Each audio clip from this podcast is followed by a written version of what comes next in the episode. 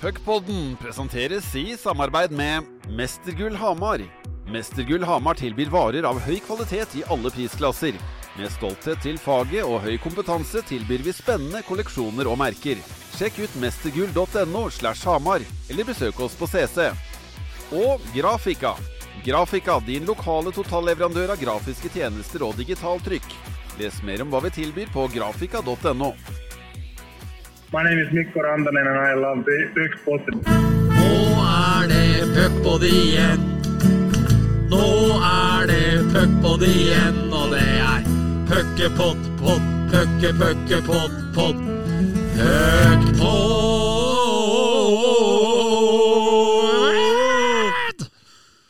Det er puckpod igjen, og det er godt å være tilbake i manesjen, eh, Eriksen. Det er, eh, det er en god uke siden sist. Ja, det er det faktisk. Litt gøy at du sier det med godt å være tilbake i manesjen. For jeg så et eh, intervju på rød løper her forleden. der reporteren prøvde å spørre Atle Antonsen om det var godt å være tilbake i manesjen. Eh, og så var det så tydelig at Antonsen irriterte seg over eh, det. Så han sa sånn Ja, det er veldig godt å være tilbake i manesjen. Eh, altså sånn eh, Altså sa det riktig. Ja. Eh, og var litt høy og mørk der. Og jeg sånn eh, sto der sammen med gjengen sin, og det var vel den Kongen befaler-gjengen som sto der. Og Antonsen Ja, jeg er faktisk litt overraska over at det klippet her ikke har fått litt mer runddans på seg. For det var så tydelig at han var veldig frempå overfor den reporteren som ikke klarte å si det. Så ble han langt spakere da han fikk spørsmål om eh, en sak fra i fjor litt etterpå, og ble veldig irritert over det. Men eh, gøy med dette manesjen-ordet, og at jeg og du i hvert fall sier det rett. Ja, det skal vi ha. Jeg, jobber jo hele tida med meg sjæl for Ja. å finne nye ord og variere. Fordi Yes. jeg får jo på pukkelen, har jo fått for denne pensinga tidligere i podden. Ja. Eh, ble tatt av eh, Kjeng her for eh, at eh, klasking er ordet mitt når jeg kommenterer matcher. Aha. Klaske pucken hit, Ja. han klasker den dit. Ja. Fikk liksom ramsa opp når jeg hadde sagt det, så da sier jeg ikke det mer. Eh, ja, det er tøff bransje, altså. Ja, det er det, Og så er du litt redd for kanskje å bli sånn Bengt Eriksen òg, som liksom Og han bare, han bare loffer ned i hjørnet, der du bare banka han inn på bortre, og du bare hoia han opp i lengste. Altså, det er liksom det er Kanskje litt sånn måte på hvor eh, mye Da mener jeg Da, eh, da syns jeg heller du skal bli ved din klaskelest, og, og heller gå for den hyppig, enn å hele tida måtte banke, panke og manke alt som er, liksom. Så Ja, ja. Og, for det er jo en mellomting her mellom det å si det samme hele tida, Ja. og han Doc som kommenterer i Madison Square, er Ja, ja, ja. Hvor, som hadde jeg tror det var over 100 forskjellige ord for pasning i løpet av én ja, kamp. Ja. Eh, da er, varierer du språket. Ja, det er enig. Eh, Det er klasse, det, faktisk, når han dreier dreiv på på sitt beste der. Så nei, det er vel en variant mellom deg og Bengt Eriksen vi, vi ønsker å lande på. Det er der vi vil ligge. Men eh, vi må til uh, dagsorden. Eh, lagt merke til at jeg ofte når jeg skal introdusere gjest, liksom prøver å gjøre det spennende, men det er det jo ikke for de som har trykt på episoden, ser jo hvem det er. Ja, Står jo til og med navnet i ja, og nå er vi ekstremt selvbevisste her òg, så ba, bare gå løs og annonser gjesten her. Men vi ønsker hjertelig velkommen til uh, Merian Amundsen Ansari. Takk for det. Veldig hyggelig å være her. Eh, det er det absolutt. Og så um, kan vi jo ta Merian er jo en fotballmann i utgangspunktet, men også veldig glad i hockey og Vålerenga, Bendik. Vi har ikke noe story om gjest, men eh, vi, kan jo nevne hans, eh, at han ofte er å se, eller har vært å se da på Betongen, Ja, blant ja. annet her ja, i Og, ja, ja, og på gamle Jordal òg. Litt eh, Meran er jo har jo gjort som meg, har jo tatt grep eh, med kosthold og, og lagt på sine løperunder. Så vi kan jo si det at det var jo en langt tyngre Meran som står fylte opp ei hockeydrakt på gamle Jordal her back in days. Ja, det er helt riktig. Jeg lurer på om vi må legge ut det bildet etterpå. Altså. Det kan faktisk hende at det kommer, eh, kommer ettermiddag. Det er, eh, Det er fin sånn eh, teaser til Ja. episoden. ja, Bilde av en kulerund og smørblid Meran fra, fra Ja, I hvert fall ja, 20-25 kilo Ja, tenker jeg. så det, ja. Og, det, og, og to, og to popkornbeger nede. For det, det var god popkorn på Jordal. Det kan vi være Det, enig det kan være helt enig. Yes. Ja, og der var det, det Med var, smør. Ja, med markedsføring i verdensklasse også, Ja. med at lukta fylte hele hallen. Ja, Så var det umulig å ikke havne nede i, ved glasset der. Ja, det var, det var akkurat litt sånn som når Blakeren sier at bilen hans drar inn mot bensinstasjoner. Så var det litt sånn at du bare tripp, tripp, tripp, så var du i bånn av trappa, og vips, så så du med popkornbeger i, i henda. Ja, det er rett. Ja. Eh, men eh, Meran, du har jo gjort en eh, kometkarriere innen fotballen. men vi, skal, vi skal spole tilbake enda lenger enn det, så vi må starte med, med ja, si hele historien din. Du kom altså til Norge som elleveåring i, i 1998. og kunne ikke et ord norsk eller engelsk da, og kunne heller ikke det latinske alfabetet. Hvordan var det? Nei, hvordan det var? Det var jo Jeg holdt på å si Det var jo fryktelig tungt å kommunisere med folk. Man ble jo liksom eh, helt aleine en god periode der. Og så er det jo sånn at eh, jeg ble jo veldig godt tatt imot, eh, kall det de stedene jeg var, da, spesielt først i starten i Nesbyen der, der vi kom til asylmottaket. Det som gjorde oss at vi ble liksom inkluderende, det var jo sporten. Når vi bare i friminuttet alt var ute og spilte fotball eller kasta snøball og sånn. Det var, jo, det var jo det som gjorde det. Og så fikk jo eh, Når vi fikk oppholdstillatelse og sånn i, og flytta til Løten, så var det jo Det var jo da på en måte man begynte å komme seg mer og mer. For jeg begynte jo først i 7. klasse. Siste halvåret der eh, på Østlang der. Og da, da fikk man jo noen nye venner på, på veien og egentlig for, for resten av livet, da. Så det var jo liksom Ja, det var eh, Hvis vi begynner fra starten her, det var, det var tungt, ja. Ja. jeg. Det, verken jeg eller broderen eller mamma eller pappa kunne liksom noe språk i det hele tatt. Og det, det er en sånn fun fact da, som vi må ha med fra starten her. Det, det, jeg, for det tror jeg ikke blir fortalt tidligere. Jeg husker jo husker jo som det var i går, at uh, vi var på en Kiwi-butikk. Første Kiwi-butikken det var på Dikkemark i Oslo. Og da, da var det liksom kassedama. da. Vi, var, vi var liksom kjøp, skulle kjøpe oss eh, noe mat for første gang. Og så sier hun bare 'neste kunde'. Og vi står her og alle bare 'kunde'. Han er Og så driver og så på fatter'n, da. Og kunde på persisk betyr homo, ikke sant? Aha. Og fatter'n sto bare Hva skjer her nå? Vi begynte å se på hverandre. Så det var første ordet jeg lærte meg, det var kunde, liksom. Da var det Så den, den, den der.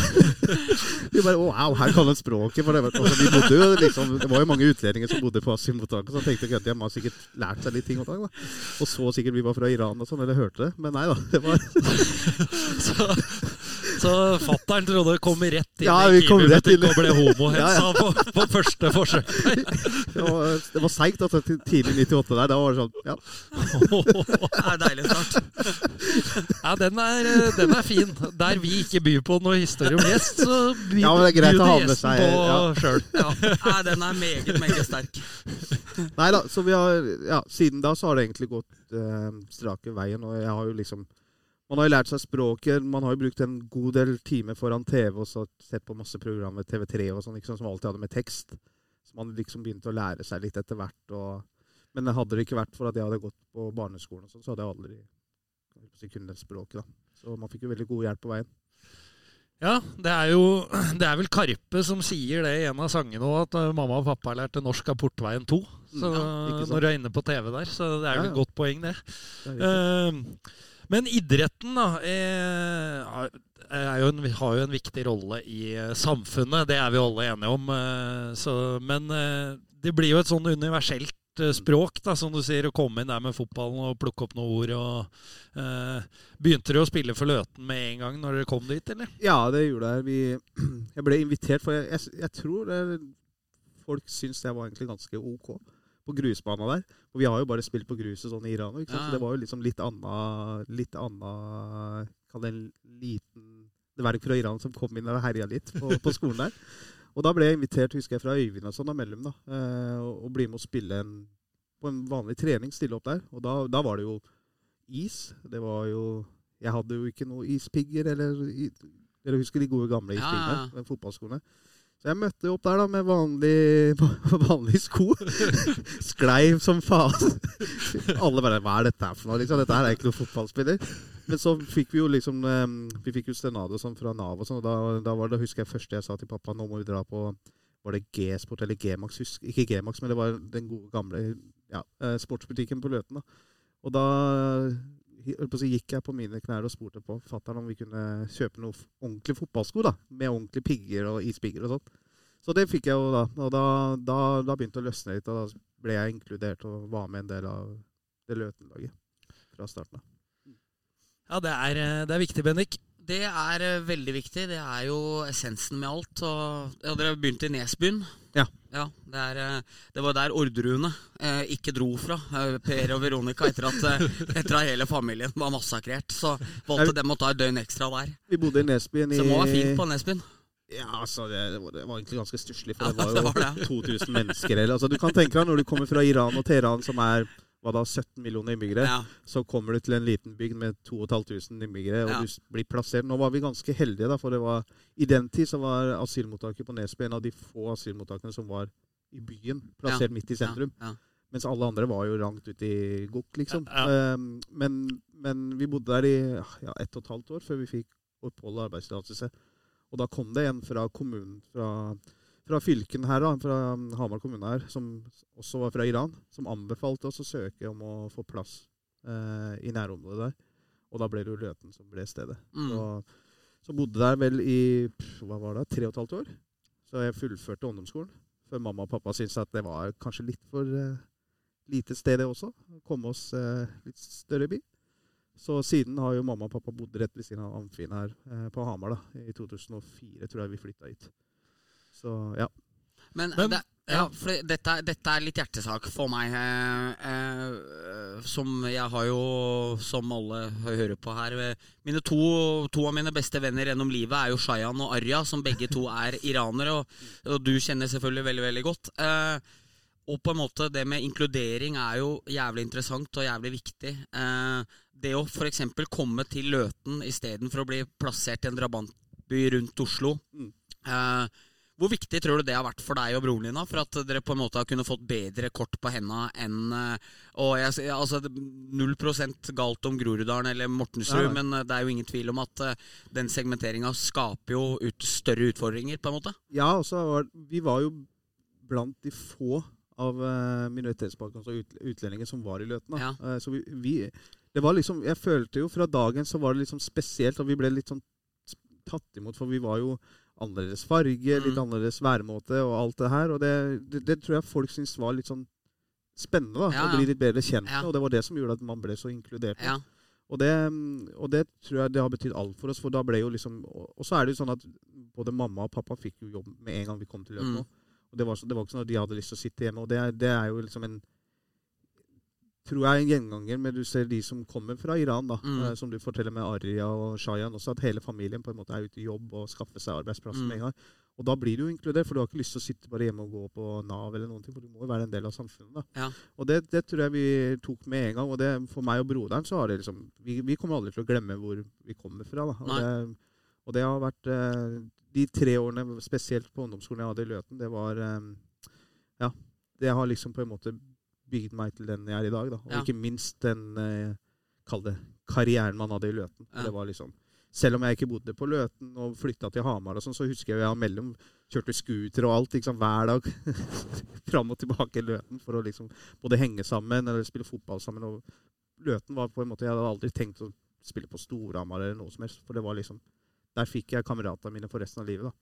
Så nei, eh, det har betydd mye. Ja, og det, og det husker jeg jo selv òg. For sånn da jeg var hos eh, Shayan da, som eh, barn, så var det jo liksom Jeg syns det var veldig spennende å spise maten og spise eh, ris og lammekjøtt og liksom Ja, ja. sånn med sånn gurti som er jævlig dyrt. Ja, ja, Eh, safran. Safran. Å, fy faen. Ikke sant? Og, og sasiki og yoghurter og Ja, full pakke. Det var, det var noe annet enn eh, Kari og Roar. De lagde god mat, men det var ikke i nærheten der. Og så liksom, I det ene øyeblikket så var man der, og så liksom var det store bursdager, og så fikk man se en annen kultur. Og sånn For min egen del så har det på en måte vært med å forme nå skal, nå skal ikke jeg prøve å låte som verdens beste menneske, her, det er ikke det jeg mener, men på en måte heller en nysgjerrighet overfor andre kulturer enn å tenke at, eh, at det er noe som truer oss eller er farlig, liksom. Så Um, Og det skal jo sies da, jeg føler i hvert fall vi som er fra Iran, vi er jo veldig inkluderende sjøl. Vi Ja. tar jo imot alle altså Vi er jo veldig gjestfrie. Det er jo Veldig. det vi er kjent for òg. Eh, Iran generelt. da.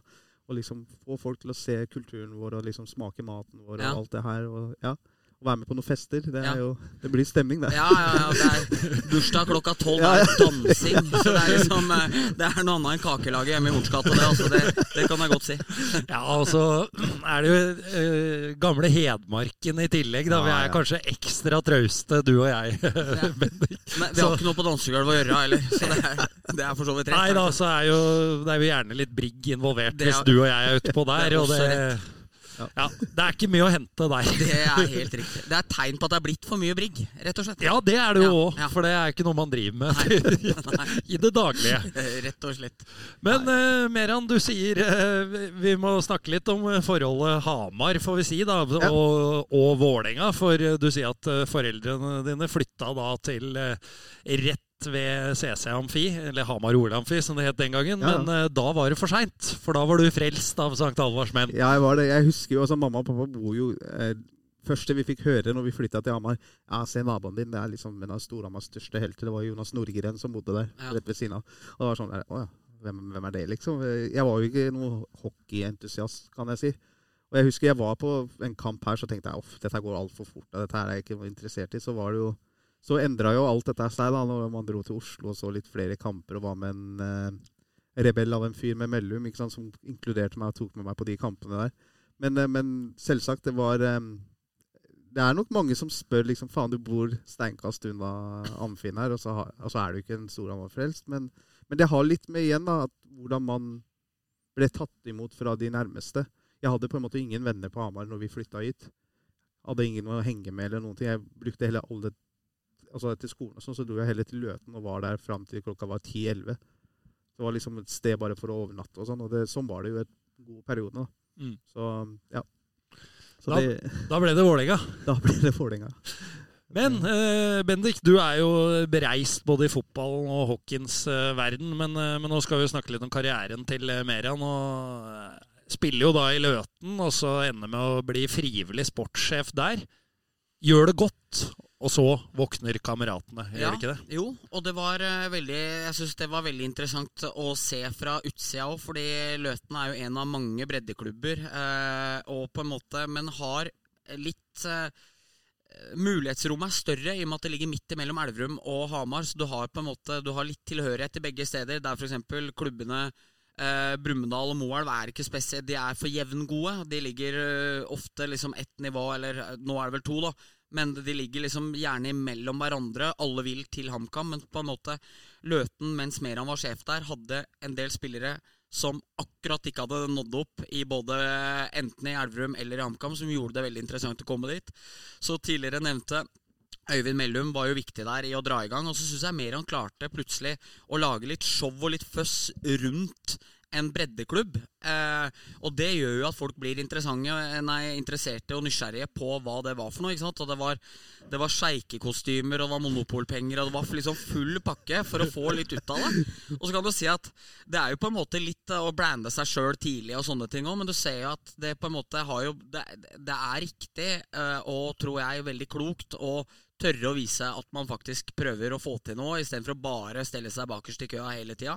Så det er nok ingen tvil om at eh, det Løten-stuntet var viktig, men det er nok også basert på sivil jobbkarriere som gjorde at HamKam kom på banen i sin tid. Men derfra opp så har jo pila bare skutt av gårde. Men jeg husker jo mer om at det var ikke mye, var ikke mye lukrativt og høye kanapeer og breialt når du satt oppe på det som nå er presserommet på Briskeby i 14 minusgrader og jobba der på vinteren og skulle prøve å selge et produkt som var ganske dødt da. Det var, det var dødt. Jeg, jeg, jeg sier jo det i dag, da, for selv om jeg har vært i Vålerenga nå, så jeg har aldri vært med å selge suksess. Nei. Aldri. Nei, det har du ikke. Det har du ikke. altså Kamma, når jeg var der, så var vi, vi var nære på å rykke ned igjen. ikke sant? Ja. Altså, det, var, det var jo dødt. Um, så jeg husker jo liksom vi prata ofte Faen, man må få inn noen profiler, både trener, spiller osv. Uh, men, men så var jo liksom det med Kall det varemerket HamKam var jo på en måte kjent allikevel. da. Men, uh, men det er ikke noe tvil om at altså den der eh, sjeikekostymen og den stuntet man gjorde der, det, det, det tror jeg ikke hadde funka nå. Nei. Spesielt i det samfunnet vi lever i i dag. Det, hvis jeg hadde tatt på meg det nå, så hadde det sikkert blitt skutt ned. Alt er, det er jo politisk feil òg, sikkert. Ja, men, det er eh, bare seks-sju år siden. ja, det forteller hvor mye som har gått galt på Ja, ja. kort tid. Men det var jo hele tida poenget med at For det var jeg veldig klar på at selv om vi var i breddeklubben Løten, så, så, er, så er vi en underholdningsbransje. Det er, og det er fotball, det er idrett. Man må underholde. Om det er på bana eller utenfor, man må tørre å liksom gå de veiene. da. Og det, eh, som, som du sier, det, det gjorde jo at Kamma også ble interessert. Og så er det jo, som du sier, sivile jobben med at, eh, med at eh, jeg hadde den Telenor-butikken på, på CC som på en måte en av de aksjonærene Hemat også, da, med, med Jon Niklas og sånn, som satt eh, på toppen der. La merke til jobben man gjorde der, og innsatsen man la ned. men for meg så har det alltid vært viktig å gå den ekstra mila da, hele veien. Og tørre å på en måte utfordre meg sjøl, tørre å være litt annerledes enn alle andre. Og det, det, føler jeg på en måte har fått igjen for uh, den dag i dag. Og det, ja, det kommer vi vel sikkert litt mer inn på etter hvert. Ja, vi skal, uh, vi skal uh, bryte av litt før vi fortsetter uh, karrieren. Og vi skal bryte av med å mimre. for dette forholdet HamKam-Vålerenga og Storhamar-Vålerenga det er selvfølgelig sterkere i hockeyen, den rivaliseringa. Men det er mye av de samme folka i begge supportermiljøene, som man tar jo med seg. Uh, Arnar Førsund, Ja. den tidligere HamKam-spilleren, han uh, Dette er ikke sikkert det er kjent for alle, så jeg tenkte vi bare skulle ta med det sjakktrekket, må vi kalle det, som han gjorde som HamKam-spiller. Han uh, stilte på Storhamar-Vålerenga i Amfin, satt her i Vålerenga-drakt. ja, det gjorde den. Det er lurt. Det er lurt. Eh, og Den kampen var jeg på, for det husker jeg vi satt og bare Faen, der sitter Førsund med Vålerenga. Ja. Da ble han hylla fra klanen. ja. Og hadde han Vålerenga fotballdrakt òg, hadde han ikke det? Jo, eh, ja, det husker jeg ikke. Jeg, Jeg- jeg tror, tror det. Jeg tror det. Ja, så det, det enda mer pirka i det som var. Nei, det er klart at Arnar Førsund var jo en av lederne i et av de mest usympatiske HamKam-lagene som noensinne har vært. Eh, 07-08-lagene under Arne Erlandsens ledelse. Eh, overbetalte, dritdårlige. Mange, av dem, mange av dem mye på byen. Altså, det, det er jo mange av de gutta der som er skyld i at HamKam fikk et jævlig dårlig ettermæle i mange år. Eh, Førsund hamra innlegg opp på stadionklokka på øh, Briskeby. Var ikke noe god. Eh, veldig kontrær, oppførte seg ikke noe spesielt bra. Og så toppa jo alt med å sitte her med det. Og jeg husker at jeg lot meg ikke noe spesielt provosere over det. Jeg tenkte bare at du er kanskje litt umoden, liksom, som eh, velger å, velger å gjøre det, liksom. Og, og kona hans, eller dama hans, var jo kunstløptrener og var jo mye i hallen. Så jeg, liksom, jeg, jeg skjønte liksom ikke behovet for å skulle gjøre det, når du i utgangspunktet ikke var noe spesielt eh, populær heller. Men jeg skjønner jo at for Vålerenga-fansen så var jo det jævlig stort og kult at der satt en av Hamars egne på en måte og pissa litt på egen by. Så han er jo veldig huska for det, Førsund, og, og samme med at det var han som ble dratt den eh, Når Emil Dale skårer 3-3 på Gjemselund, så er jo Emil Dale Hvis dere husker Paul Gascoignes legendariske mål i EM i 96 på Wembley, når han vipper ballen over Colin Henry og banker den i lengste. Eh, Emil Dale er jo Paul Gascoigne i den situasjonen, og Arnar Førsund er jo Colin Henry, ikke sant? som får ballen vippa over huet og ligger på ryggen, og ballen dunkes ned i lengste. Så nei da, Førsund er godt huska i Hamar by. Ingen tvil om det. Ja, det er jo ikke Det, det hadde kanskje du, du så jo ikke Markus Pedersen på Jordal med Storhamar-drakt når, eh, Når spilte i når han spilte i Vålerenga. Så det, eh, er, det var jo ikke så lurt. Nei, det, det, var ikke det. Ja. Det, det eneste fordelen han hadde, var jo det var jo relativt glissent. eh, For Ja. dette var vel en seriekamp, så dette var jo tida hvor Storhamar lå stabilt på maks 1500. Ja da, og det var jo det, og så var det sikkert et eh, rop om 'hent meg tilbake' igjen.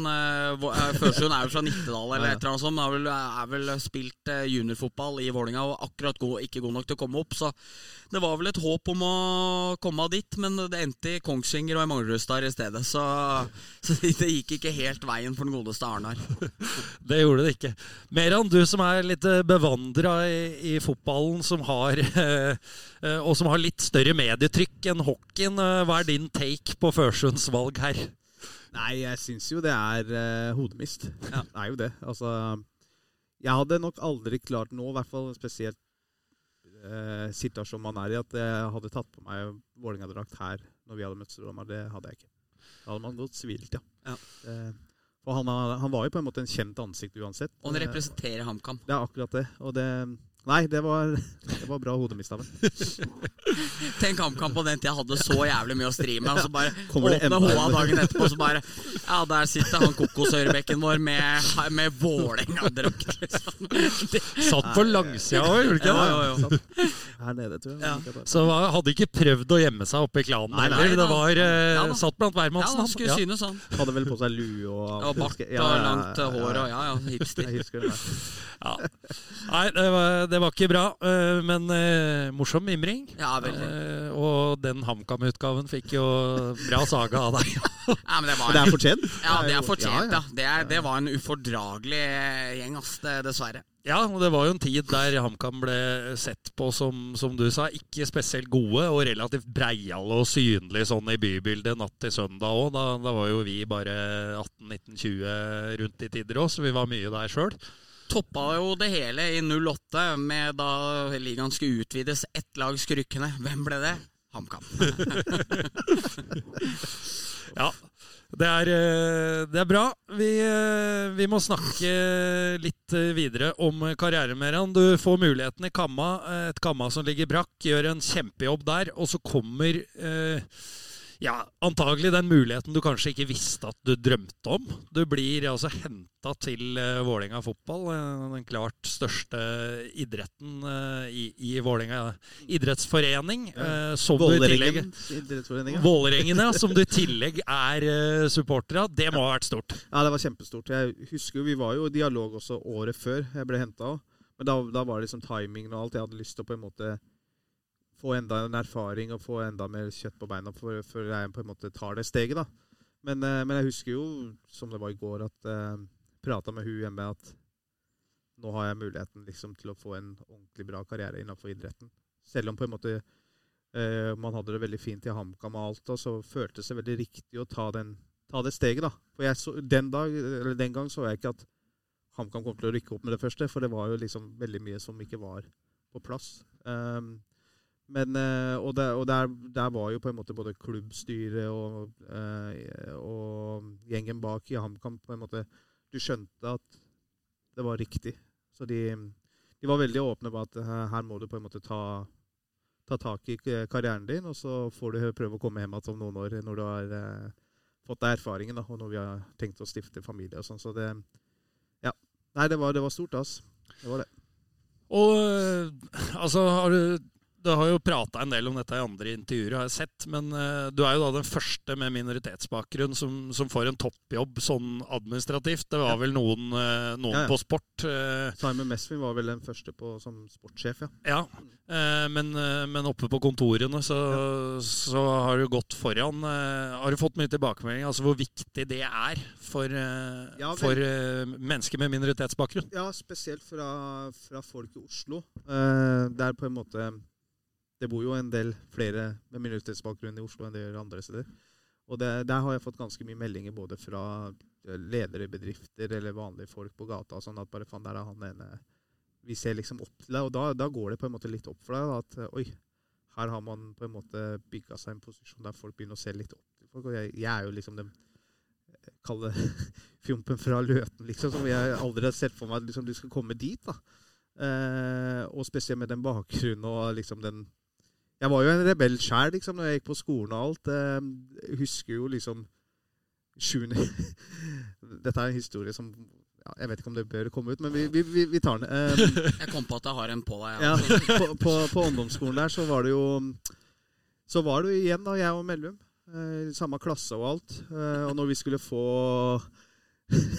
Vi skulle få karakterboka vår på slutten av, slutten av året og liksom vitnemål og alt, så står det liksom eh, nedsatt oppførsel.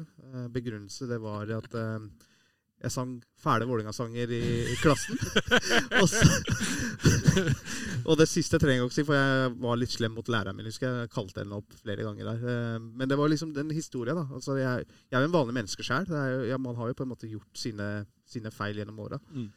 Og jeg hadde aldri sett for meg at jeg skulle komme dit at man på en måte begynte å se litt opp til meg. da. Så det, det, det er på en måte en sånn greie jeg tar med meg. Og det, det merker jeg, det har jeg på en måte blitt veldig mer eh, obs på også, når, hvordan jeg kaller oppfører meg når jeg er ute på byen. Nå er nærmest aldri på byen lenger heller. Tar en skjenk eller sånn, får jeg liksom hvis om en og dersom. Det kommer jo så mye rykter, og folk liksom ser på deg at du har, Oi, har du en øl? Han der er liksom alkis, er bare på byen hele tida. Sånn. sånn får du ganske mye i Oslo, da. Mm. Um, Hamar. Hamar òg, ikke minst. Uh, ja. Vi, kom, vi, kom, vi, vi kommer til å gå inn på det litt senere i dag. Jeg fikk jo en episode nå på Første episoden min på allerede nå i helga, når jeg var ute etter Vikingseieren. Eh, prøvde å liksom dra ut med, med klubben og ta en øl. Så, så da ble jeg litt møtt med litt motstandere. Men sånn er det jo. Det er en del av gamet. Det er en del av gamet, Det er en del av gamet, og det må man tåle når man på en måte blir en såkalt offentlig person. Så. Men jeg, har jo, jeg føler sjøl i hvert fall at jeg har stått bra i det og på en måte vært meg sjæl hele veien og gitt uh, uttrykk på det. Det er liksom ikke noe kall det maske eller noe som man har tatt på. Det er alle de som på en måte kjenner meg som står meg nære, vet jo at det er sånn jeg er som person og ikke en A4-menneske. Og sier ting oftest rett fra levra. Og det, det, det ser jo ikke alltid like bra ut når det kommer på sosiale medier, men det jo det er, ja, har jo på en måte gjort at jeg også kanskje har styrka min posisjon. Da, at man på en måte tør å være litt utafor den der såkalte gutteklubben-greia eller av fire mennesker i NFF-systemet eller fotballsystemet. da, ved Mm. Idretts-Norge generelt. For det, det er jo For det, den kritikken du fikk på lørdag, eller de, Mm.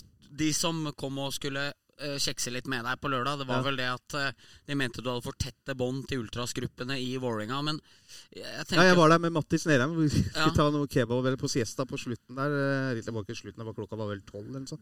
Da skulle jeg hjem. Da tenkte jeg på- Fedrene skal hjem da. Ja, da, var- da har jeg fått meg to pils, og jeg er sånn Det- jeg skal, jeg skal ærlig, jeg skal ærlig ja, men Nei, det. Ja, kanskje tre, da. Men, men, men, jo, men poenget er at nei, nå, er jeg helt, nå er jeg helt ærlig, for jeg, altså jeg Nei, det var ikke så mange. For jeg kjenner liksom Det er lenge siden jeg hadde drukket, og sånn, og jeg begynte å kjenne på den tredje ølet. Bare, ok, nå må jeg komme meg hjem, for hvis ikke så sitter jeg der med resten av gjengen, og det ser jo ikke bra ut. Men så, så valgte, valgte jeg å gå på siesta. da, Få meg liksom, ta med meg Bob, Det er lenge siden jeg hadde spist siesta. Og så møtte jeg Mattis Nerheim der.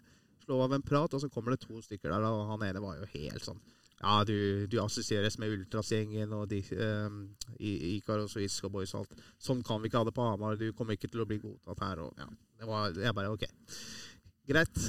Velkommen hjem igjen. Men har ikke det heller vært hvis jeg snur litt, har ikke det heller vært litt av nøkkelen for jobben din i Vålinga at ehm, at man er kommet nærmere ultrasgrupper og på en måte altså jeg, jeg sier jo ikke at man skal ha helt lovløse tilstander og man skal tillate alt og bukke under for alt press, men uh, har ikke det heller vært det som har på en måte kunnet hjelpe på en måte til at østblokka har vokst og blitt det den er blitt, og, og det at dere har på en måte klart å på en måte forebygge det i mye større grad enn hva det har vært tidligere, når man har sett på det som en veldig fiende, liksom? Ja, 100 altså, Det er jo det, det, vi er mest stolte av med teamet min i Vålerenga. Det er jo den relasjonen man har hatt med supporterne, den åpenheten man har hatt med supportere, sponsorer og alt. Der har jeg på en måte gått foran og sagt det er sånn det er å bygge klubb. Ja. Og det har jeg vist, selv om jeg har gått noen kamper med daglig leder og alle i styret og stell, at vi kan på en måte, vi kan ikke åpne oss for mye osv. Men igjen så har man noen resultater å vise til. Mm. Og hvis du sammenligner f.eks. tilskuertallene mot 2019, så er det jo dag og natt. Mm. Og spesielt på Østblokka, som på en måte er fam Det er ingen i Norge som matcher over 2500 i snitt Nei, nei. stående supportere som står og synger. Og så ræva lag de og har heie så, så dårlige som vi har vært, ja.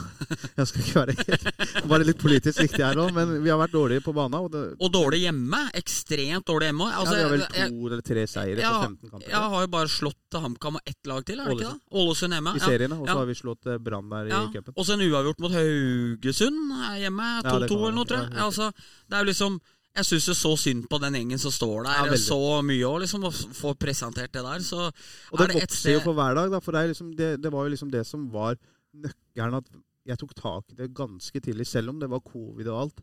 At man begynte å ha en egne chattegrupper. Man begynte å liksom på en måte Det var jo folk jeg kjente i miljøet fra før. ikke Ja. sant? Så de, de hadde, Det var liksom ikke en sånn der, en som random fyr som kom fra gata og trodde at man skulle revolusjonere alt. Nei.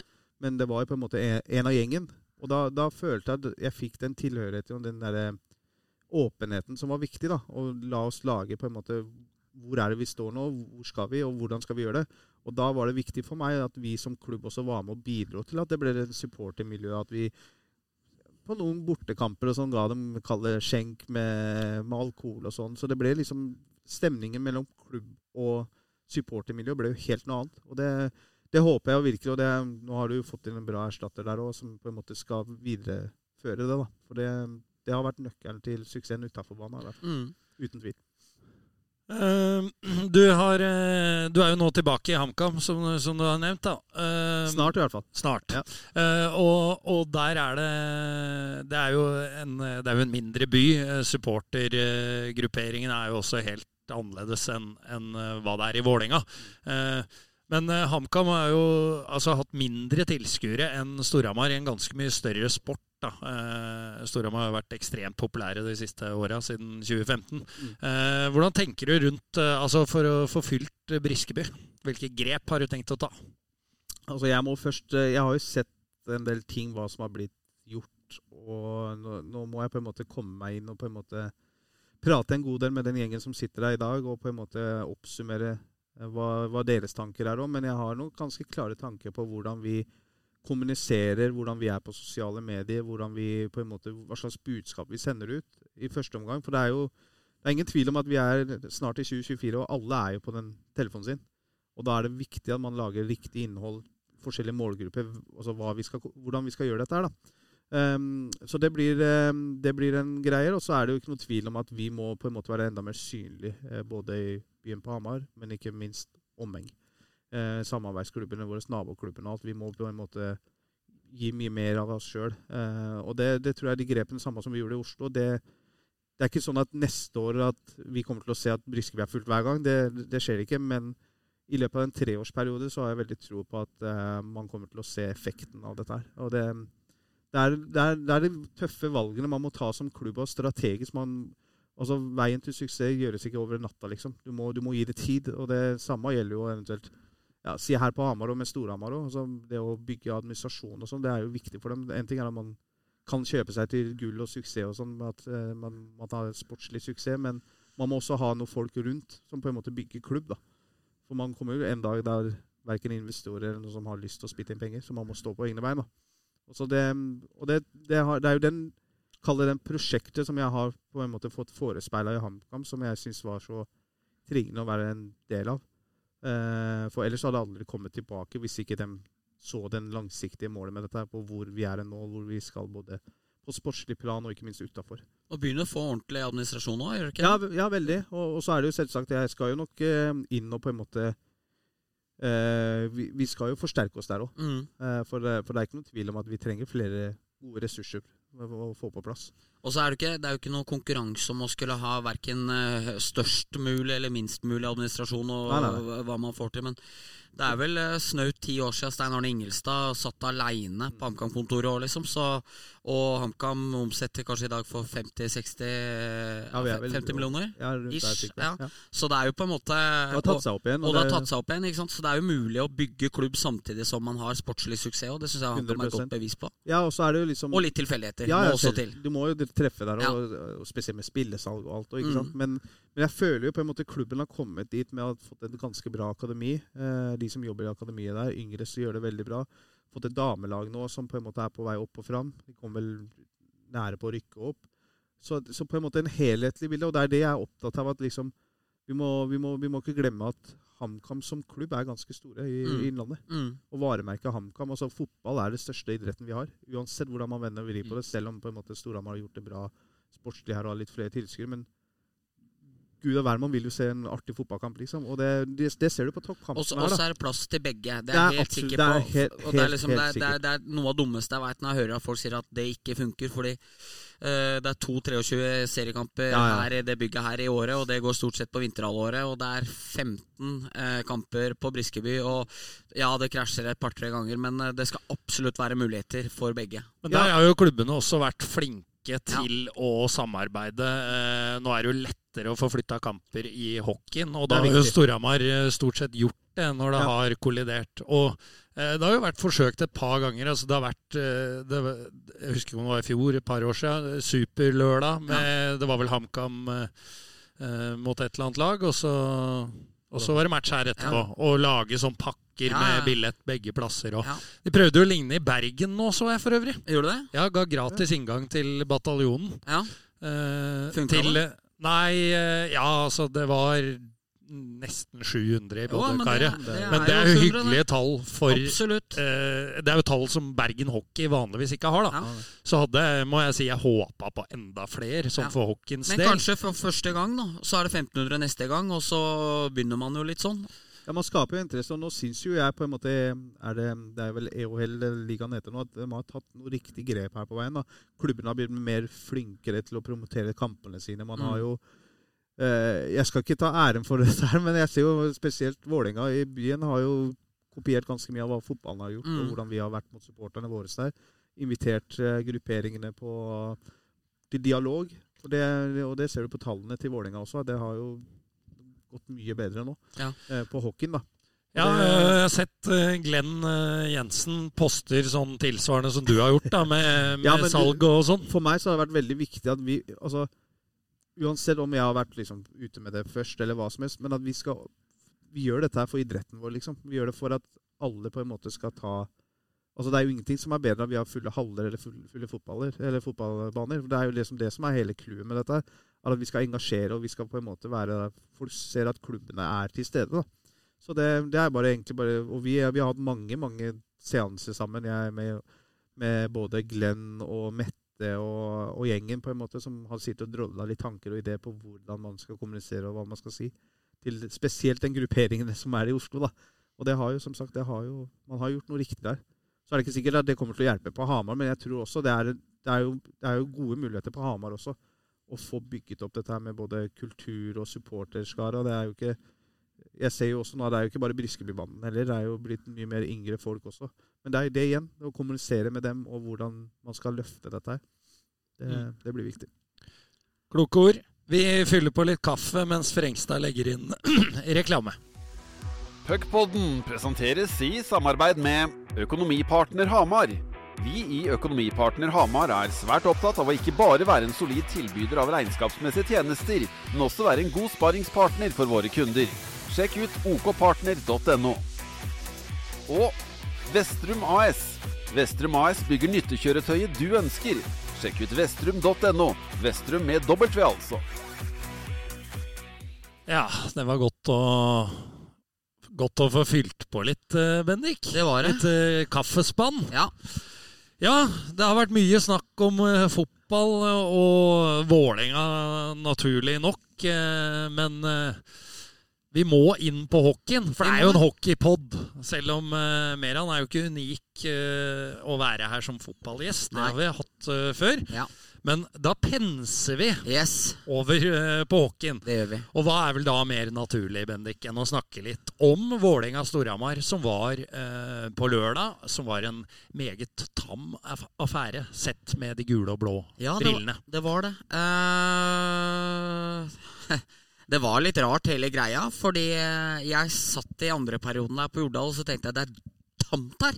Eh, Vålinga leder 1-0, og jeg, jeg ser at jeg er veldig opptatt av hvor magisk og elektrisk det var på Jordal, men Vetle Lindstad, den gamle storspilleren på Storhamar, sendte melding til sin bror Martin, som satt sammen med meg på pressetribunen som akkreditert journalist for Hamar Arbeiderblad, og skrev at på, på TV-en hører man bare Storhamar-fansen, og opp til oss der vi satt, så syns jeg egentlig ikke vi hørte noen verdens ting, så jeg tenkte liksom at det her må være litt sånn tamt. Og så uh, scorer jo Jakob Berglund 1-1, eh, så tenker jeg wow. 30 minutter spilt, Storhamar klart dårligere. Er matchen up for grabs allikevel? Eh, men så er det jo symptomatisk for matchen. Uh, Storhamars beste backpar, ligaens beste backpar, Sverre Rønningen og Andreas Hjelm. Patrick Thoresen, ligaens beste spiller. Jakob Lundell Noer, kanskje den spilleren i serien som har høyest ferdighetsnivå, hvis du tar 1-10 på alle barometere. Og Martin Johnsen, ligaens største talent, er på isen og bli spilt ball i hatt med av Linus Rosdal, Didrik Svendsen og Pontus Finstad. Da vinner du ikke på Jordal. Eh, så ærlig må vi være. Eh, og fantastisk gøy for eh, de gutta der, som liksom er som er eh, hundehusgutta til Andersson. Eh, å gå inn der og gjøre den jobben. Og, og fett å se gleden Svendsen viser over den målgivende pasningen der. Jeg må jo faktisk si det. Man kan si mye rart om han, men eh, men eh, når de går ut der og gjør det byttet rett etter at Berlund egentlig har gitt Storhamar litt ufortjent håp igjen, eh, så fikk jeg veldig følelsen av at dette her er Vålerengas kveld. Eh, det tredje målet er jo også litt symptomatisk på Storhamars på en måte feilprioriteringer den dagen der. De, Jakob Berglund, som hadde vært lagets beste spiller den matchen, får pucken på innsida blå. Istedenfor å kippe den over, så prøver han å dra av en Vålerenga-spiller på innsida blå, som gjør at når Vålerenga da bryter, så er det ikke en spiller som må ut av sona. De kan bare gå rett i angrep. Olimp med et genialt pass til Partanen der. Eh, og 3-1, og da følte jeg at matchen var helt sila, liksom. Og Storhamar prøvde et spett forsøk i tredje periode, men følte liksom ikke at de klarte å få noe sånn jevnt trykk på dem heller. Det var eh, rett og slett Vålerengas dag, og det må man bare anerkjenne at eh, sånn er det i toppmatcher. Du du vinner ikke alle, men det som kanskje var mest skuffende og som på en måte, Jeg var litt forberedt på at Petter kom til å være helt gæren liksom, når jeg skulle, skulle intervjue etter matchen der, og samme med Patrick, men det var litt sånn derre jeg tror du bare følte at det her var så langt unna dagen at uh, det var liksom ikke noe å stå og klikke for eller noe, for det var tamt. Og det var mangelen på uh, Martin Rønhild og Eirik Salsten syns jeg ble mye større enn man hadde trodd. Jeg syns Storhamar var tamme i nærkampspillet. Det var Vålerenga som kom ut uh, av de fleste situasjoner med pucken og var klart best og vant fullt fortjent. Så det var ikke noe Det er ikke så mye å dvele ved.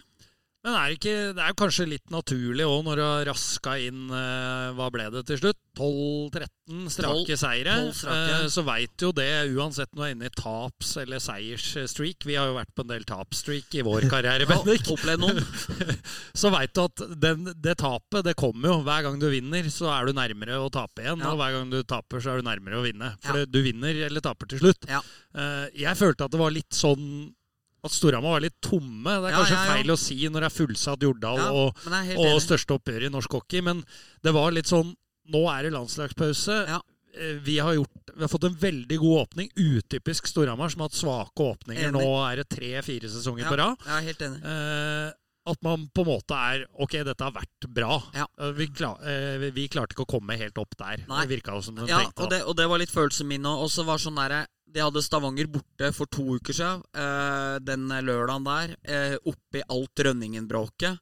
Mobiliserte, vant 5-4 på den. Eh, reiste opp til Håkonshall forrige uke. ikke sant? Eh, når du kommer, parkerer bussen i katakombene her Det er stilige bilder derfra. Når, når de kommer under hallen der. Eh, opp der og spiller for 10 500. Eh, liksom gjort unna jobben. Og det var sånn De skulle ha halloweenfest på kvelden her. Det, det føltes litt ut som at alt var litt sånn tomt. Jeg er helt enig. Eh, spilte vel Nord skada. Jeg tror han i utgangspunktet var veldig usikker til matchen og ble jo satt ned i fjerderekka for å være med der og uh, assistere dem. Uh, Rønhild og Salsten borte. Da har du, da har du en av ligaens beste powerforwarder borte, en av ligaens beste toveisspillere borte, og en halvt noer er ikke en hel noer. Så det er jo klart at eh, Storhamar mangla altfor mye i den matchen der. Men samtidig, har du 1-1 eh, midtveis i kampen, så er jo kampen up for grabs, egentlig. Men det var litt synd, og det var litt som Petter sa i intervjuet med meg, som det var forferdelig dårlig lyd på, så jeg må bare beklage til alle for det. At knockouten var at de ikke klarte å holde på 1-1 litt til. For jeg tror Vålerenga hadde blitt frustrerte hvis de hadde gått der og øh, fortsatt at, følt at de var det klart førende laget, men ikke fikk noe ut av det. Du nevnte passet til Olim Olimp der til Partanen. Det, det er krem. Det Ja. var ikke Trymmen sin skål. Nei, det- For da var Trymmen uh, satt ut av spill. Ja, da, det, det, rett og slett Der, der var det lite å gjøre for Trymmen, som så på feil eh, stolpe der når, eh, når det passet gikk. Og Trymmen var jo den som holdt Storhamar lenge inne i matchen, men Nei, det passet der, det var det Jeg er litt lei det der rekeuttrykka og sånne ting. Og, og sånn, og nå er jo det flippere, jeg vet det. Men nei, det, det, var et, det var et laserpass av de sjeldne. Så Mattis Olimb, han har det fortsatt. Ja. Kongen av Danmark eh, bak ryggen, backhand. Ja. Eh, det lar seg høre. Det lar seg Det var et vakkert hockeymål. Ja, det var rett og slett det. Så det, det, var et, eh, det var et greit tap, og det, var, eh, det føltes som det var salme ved reisens eh, slutt på streaken for Stramar, som får bare starte i gang en ny en. Og nå kommer jo også Jakob Kindlin, så til eh, Ikke neste match, for Salsten har vel igjen én kamp til av Joker Norden sin. Eh, så, så, så han må vel vente én til, tror jeg. Men eh, det begynner i hvert fall smått å nærme seg enda en mer uh, fulltallig tropp. da. Ja, eh, og så, da eh, Komet tar en seier mot Oilers. Eh, det var eh, overraskende, Meral. Ja, det var helt sjukt. Altså, jeg, jeg var vel på, um, på, på Briskeby, ja. for jeg ble jo kalt inn at uh, Jeg skulle egentlig dra og se på Vålerenga-Storhamar, men så, så Ja, jeg dro jeg på Briskeby heller, og så um, Kamma Viking. Men uh, når det tikka inn at Komet leda og alt, så bare tenkte jeg dette her må være spøk.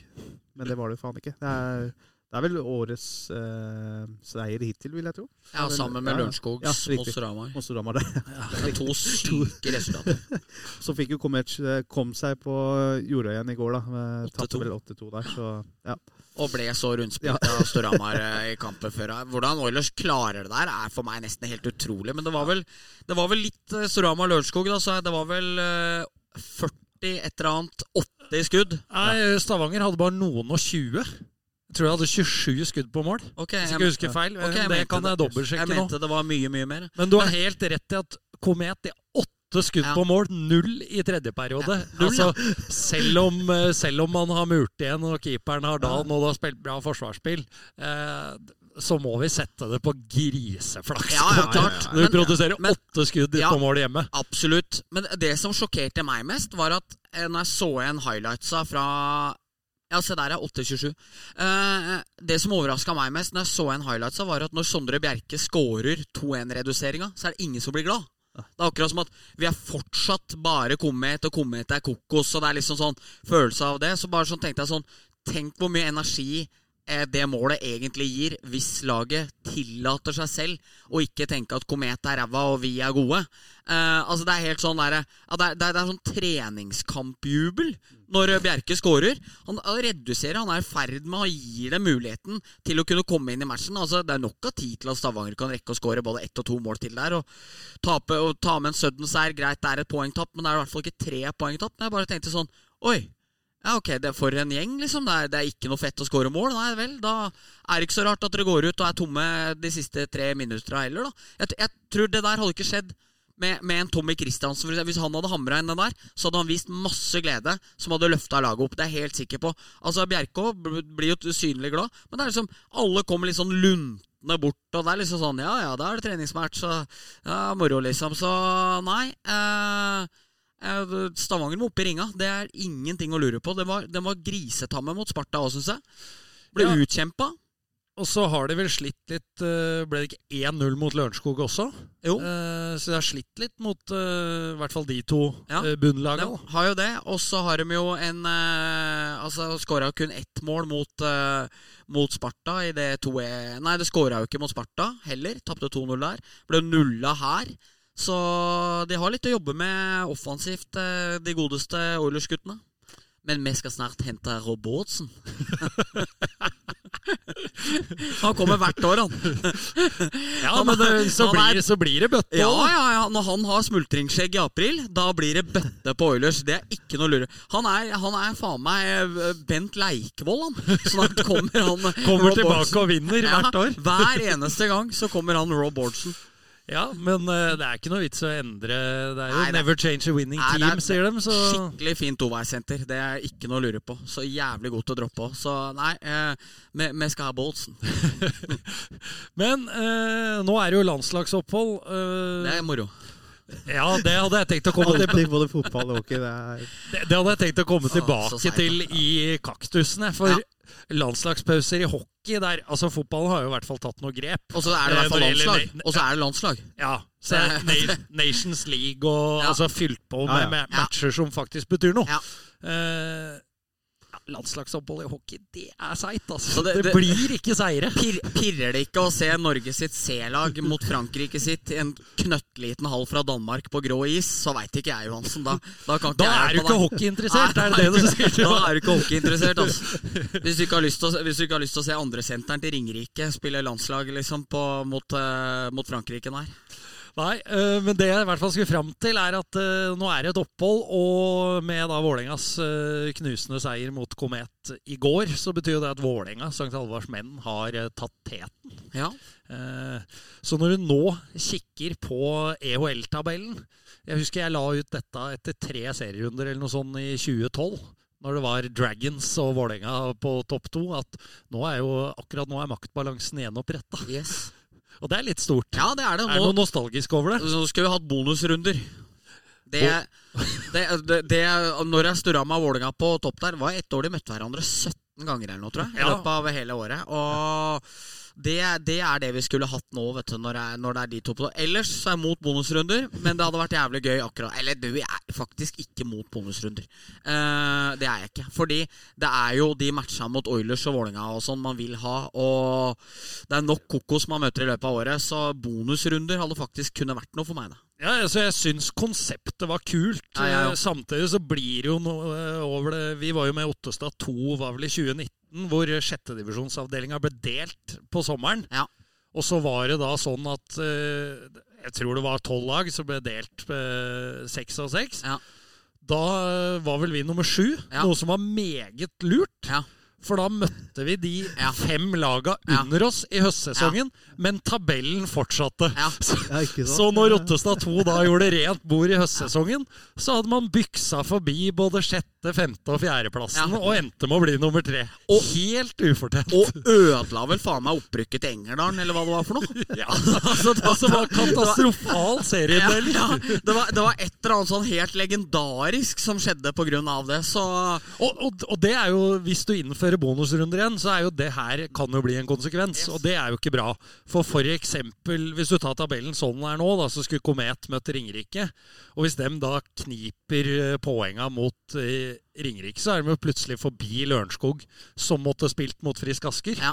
Så det blir jo veldig ufortjent, kan få store konsekvenser. da. det er rett. Men jeg er enig i at konseptet er kult. da. Ja, Flere matcher toppen. mellom eh, Storhamar, Stavanger og Vålerenga nå sånn det er i år. Hadde jo, det er jo det folket vil ha. Ja. Det ser du på tilskuertallet òg. Det er helt Ja, ja. riktig. Og det er, hadde du spurt meg i 2012, da Storhamar var sånn i stjernen Lillehammerland, så er det nok ikke sikkert jeg hadde vært så sugen på de bonusrundene.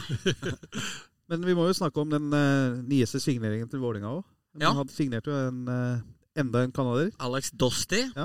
Myhrvold ville ikke være med på pengegaloppen. Eh, Skal sette seieren der, bare timingen der. Ja, ja. Så, så da, da henta han inn en proven, eh, meget bra EOL-spiller, Ja. som eh, ja, ifølge Myhrvold antagelig spiller gratis og får klubbfølelse for Vålerenga. Jeg jeg tror Myhrvold var litt stressa på lørdag. Han kom oppe der vi satt ved prestetribunen. og eh, pent antrukket og liksom sånn på væremåten sin, litt sånn der energisk og sånne ting. Jeg og Vegard Bakkehaug, 19s eh, eminente journalist, snudde oss jo trodde han skulle komme og hilse, men eh, så rett forbi oss, var helt vill i blikket. Så det betydde mye med seieren på på lørdag for Myhrvold. Og Myhrvold veit jeg jo er litt glad i denne podkasten her, etter at han var jo en helt strålende gjest hos oss i fjor.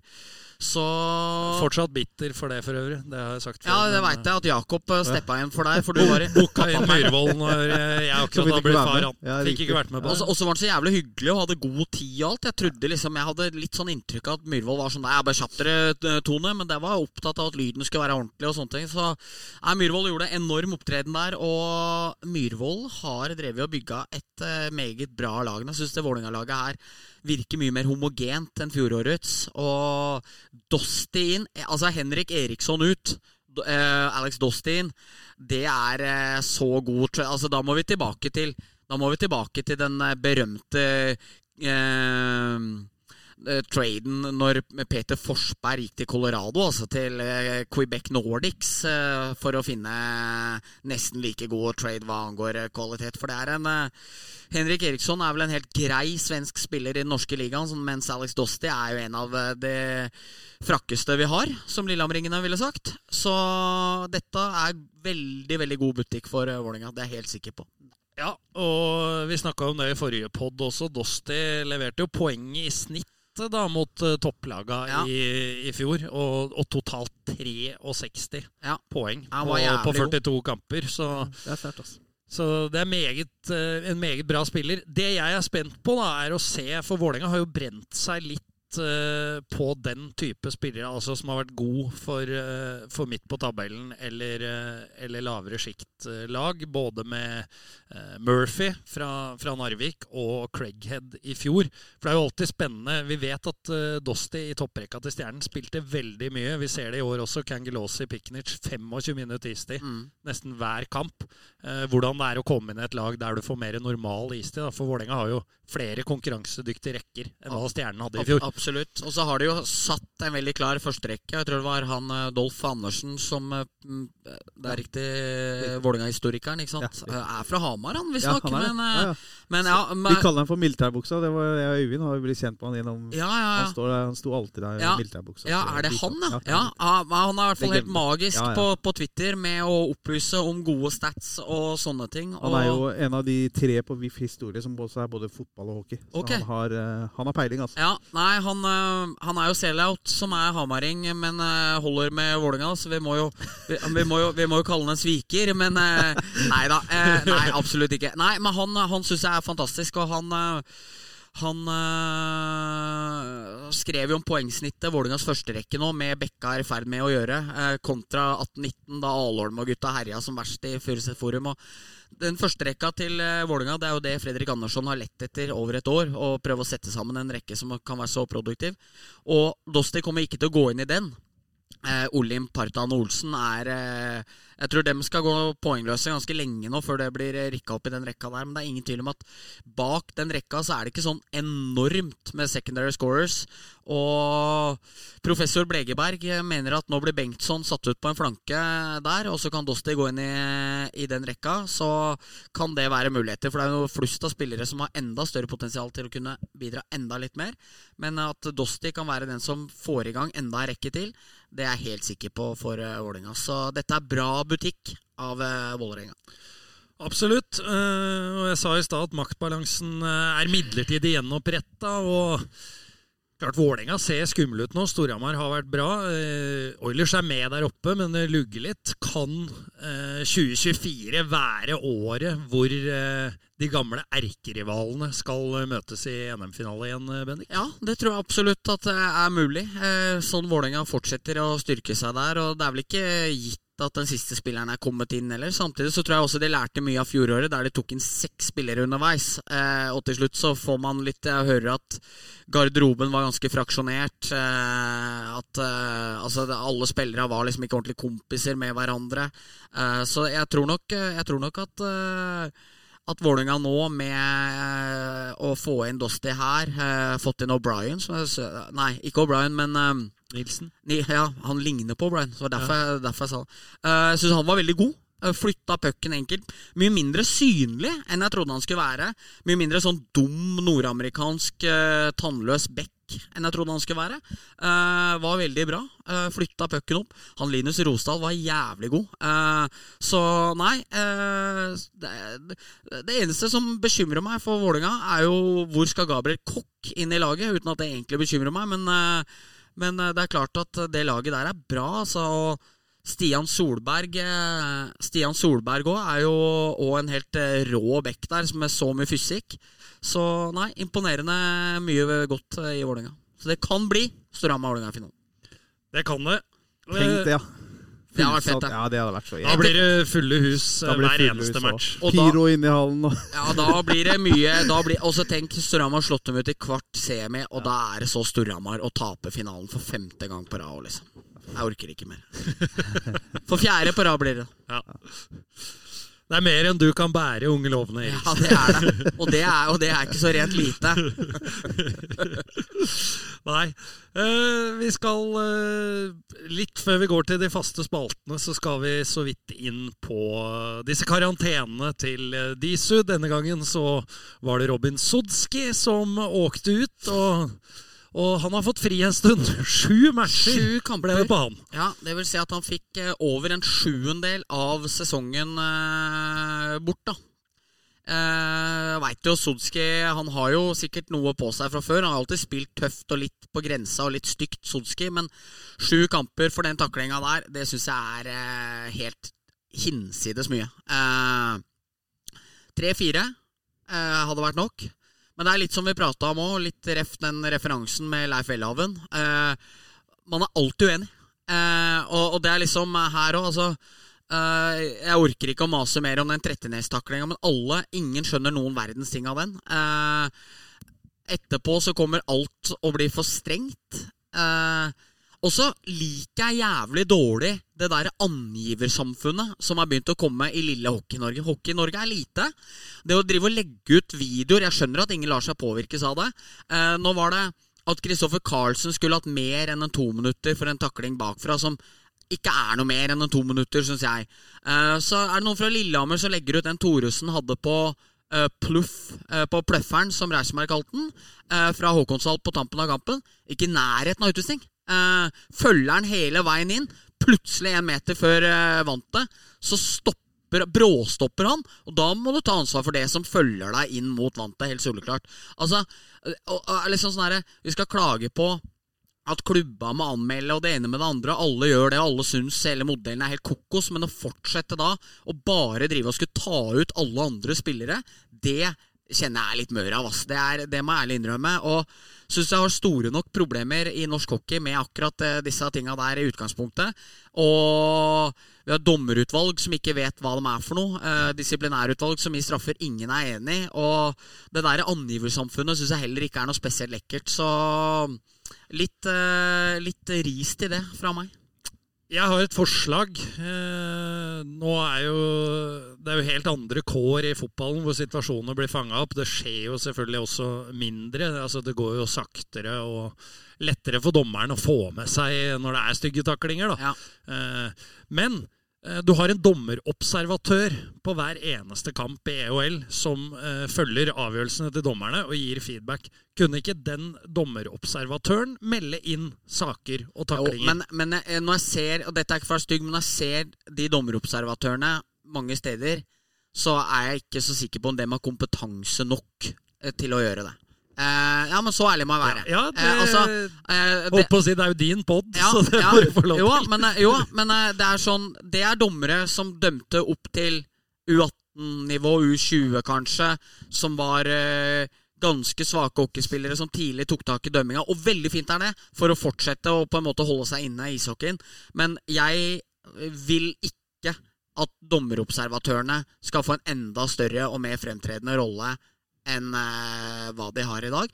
Jeg mener, helt oppriktig, Geir Thomas Olsen, eh, som er dommersjef, og en meget klok mann. Jeg vet at han ikke er noe populær blant hockeysupportere, men overfor meg er han veldig profesjonell. Han svarer alltid.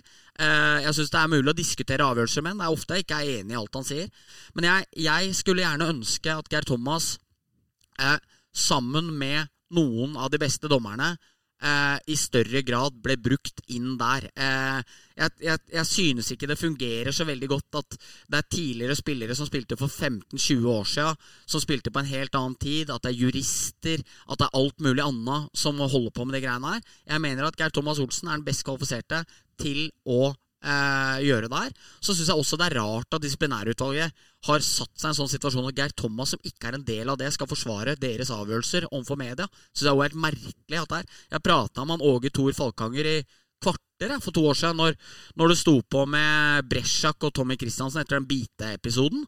Og han legger ut og hvorfor de har dømt ditt og sånne ting. Så sier jeg ja, men da siterer jeg deg på det. Å nei, nei, du kan ikke finne deg på. Og så sier jeg nei, så da må jeg ringe en annen fyr som må si hvorfor han tror at dere har gjort som dere har gjort. Altså Sånn har de rigga seg. Og det, det er så mange ting med det her som jeg syns er helt håpløst. Og, og, og jeg jobber jo med Dette er jo livet mitt, eh, så det er jo veldig veldig relevant for meg. Men jeg må jo bare si det at Geir Thomas er en veldig fornuftig og fin mann, så jeg skulle jo i større grad ønske at han satt med større makt overfor disse tinga der. Så har det lettere å pekt på hva man syns var dårlig og ikke, og hvis det på en måte vært et tydeligere ansvar, og at den som satt med ansvaret, også måtte face det. Ja, men jeg syns, jeg syns det høres ryddig ut. Ja. Så at uh, Meran f.eks. nå når han begynner i Kamma, skal sitte og forsvare vurderinger som Bodø-Glimt tar, det syns Ja, jeg er helt, det Ikke noe problem helt uh, riktig. Nei. At han må ut i VG og svare for hva Bodø-Glimt har bestemt på Hvor, hvor, Aspmyra. hvorfor de har anmeldt 200 supportere for har fyrstikker i lomma, liksom? Ja, da er da, da er det Meran som må svare på det, ja. Tror ikke jeg skal ta noen kamp mot Bodø-Glimt nå igjen, men uh... Det er jo klubben, det er andre klubben din. ja. Er det ikke det?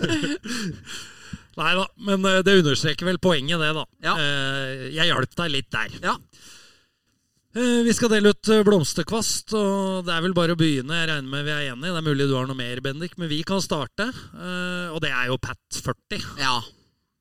Pat, Pat eh, 40 skal få blomst i dag. En, en helt utrolig ambassadør for Hamar-idretten. Eh, I mine øyne det største Hamar har fostra opp. Ja, jeg veit Egil Danielsen pælma et spyd langt av gårde i et OL for 70 år siden, men eh, for meg så blir det ikke større enn to Gagarin Cup, eh, ett poeng unna å bli poengkonge i VM. VMs Allstar-lag. Eh, ja, det er altså så mye. Også hele personen og eh, liksom stiller opp. eh, aldri noe problem, noe. Eh, utrolig glad i Patrick som person og idrettsutøver, og utrolig mektig imponert over eh, hele personen.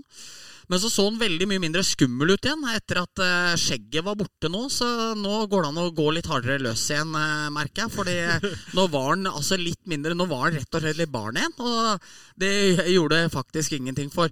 Når, det, når de øya setter i gang eh, setter i gang der, når, når den blir sorte som oliven inni et sånt stort vikingskjegg, så er det ikke så lett å, er det ikke, er det ikke så lett å, å dra av gårde. Så nei, Pat 40, eh, enorm eh, mann og karakter. Eh, enig, og han skal jo Så også det er fellesen vår. ja, Ja. Og så skal han også hylles for, eh, for kaka han hadde tatt med i garderoben. Jeg vet ikke om du har sett den? Og Elite Hadde, Prospect. hadde ordna sånn spiselig bilde da, med, med egen statistikk fra Elite Prospect. Og, og også da de eh, står jo utheva hva du har vunnet, da, et par Gagarin Cup blant annet. Eh, Så der hadde Pat vært på jobb. Ja, veldig. Og- Det var mora til Håkon Taskerud som hadde gjort. Ja, det var det, ja. Og det var vel også, hadde vel også satt opp et skilt der det sto at kaka ble litt dyrere enn venta, hvor folk hadde mulighet til å vippse Patrick for, for bursdagskaka. Så den er sterk. Ja, nei, det var veldig bra. Eh, rått og også hyggelig og gledelig å se alle gratulasjoner han fikk fra, fra folk. Så at Pat betyr mye, det må det aldri eh, være noe tvil om.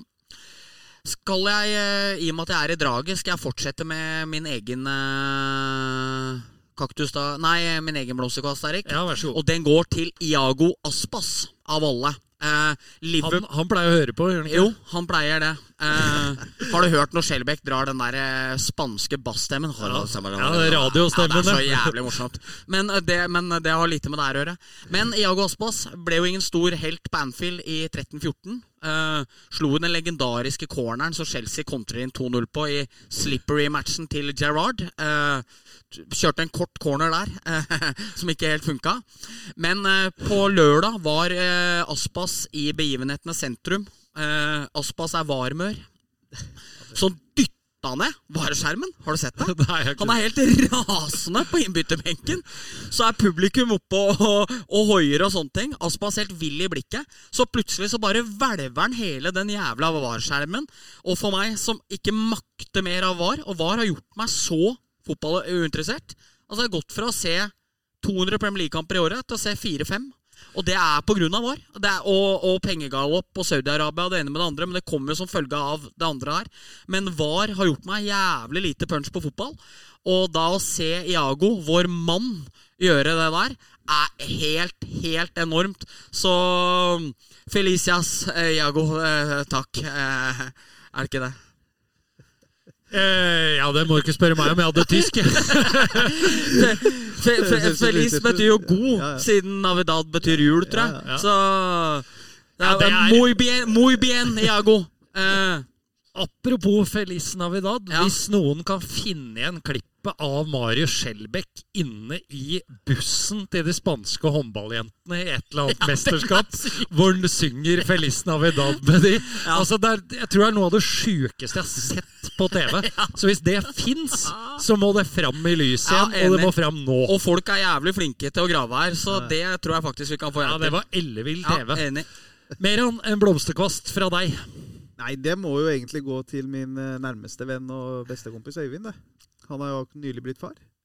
Eh, endelig i det voksne livet, får vi håpe. Ja. Og i går så fikk jeg noe eh, tilsendt eh, både hockeydrakt og, og fotballdrakt signert av spillerne og sånn. Så han var høyt oppe i går. Så la han ut vel på sosiale medier at han og sønnen sin August satt og så på kampen med, med drakta på. da. Så nei, det, det går til Øyvind. Ja, det er, eh, det er livets største glede, det. Uten tvil. Disse, Absolutt. disse barna. Ja, disse burnene. Nei, eh, som om det. Mellum. eh, mannen eh, bak den legendariske Jegermeister-flaska som drepte momentumet til Vålerenga her i fjor, som, som, som, jeg- som jeg prata om tidligere i høst. Da Øyvind Mellum, en enorm karakter i norsk supportermiljø, eh, fortjener all ros han kan få. Han har blitt så rutinert. vet du. Han har liksom alltid kamera, kameravinkel og tar av seg klærne eller står i baris der. Så ja, nei, han fortjener Han var ikke så rutinert når han tok livet av seriegullet til drømmen om seriegull for Vålerenga i fjor, men eh, nei eh, Spørs om ikke det var litt høy eh, promille der, Ja, det kan nok ha vært. En, en ellevill mann Mellum, så, som vi eh, samstemt gir eh, stor ros til. Ja, øh, min øh, kvast det var jo til Den skal gå til Dan Kissel. Han har vi nevnt øh, før. Øh, tok vel målrekorden i Oilers nå. Er øh, altså For en mann. Det er aldri noe tull med Dan Kissel. En øh, gentleman på isen. Utrolig god spiller. Ja, han er jo på tampen av karrieren, så går litt saktere. Det er ikke Kissel i prime lenger, men for en viktig mann for det Oilers-laget. En, øh, føler det er Stavangers Larivé på mange Ja. måter. Helt enig. Eh, og det er et kompliment Helt fra enig. meg. Så Dan Kissel, her er en kvast fra undertegnede. Yep. Ta det med deg. Yes. Kaktus. Bendik. Ja, eh, den er ikke hardtslående, fordi det er, en, eh, det er en kaktus med blomst på. Eh, I går, altså tirsdag, så hentet jeg min eldste datter i barnehagen. Og jeg er jo en forjævlig kokk. Det, det, det har du fått erfare, Johansen. Eh, la det være klinkende klart. når hamburgere. Ja, ja, jeg klarte selv ikke å steke hamburgere, som vi har prata om her en gang tidligere. Ja, og Det begynner å bli en stund siden, så jeg tenker vi kan friske opp det. Merian har sikkert ikke hørt det, men hamburger, det er jo Det skal mye til at det ikke er spiselig. Sånn i utgangspunktet, men eh, oppe, oppe på Grorud, så når jeg og Bendik bodde der, så, så så presterte du altså å lage hamburgere til gutta så vonde at det måtte kastes. Ja.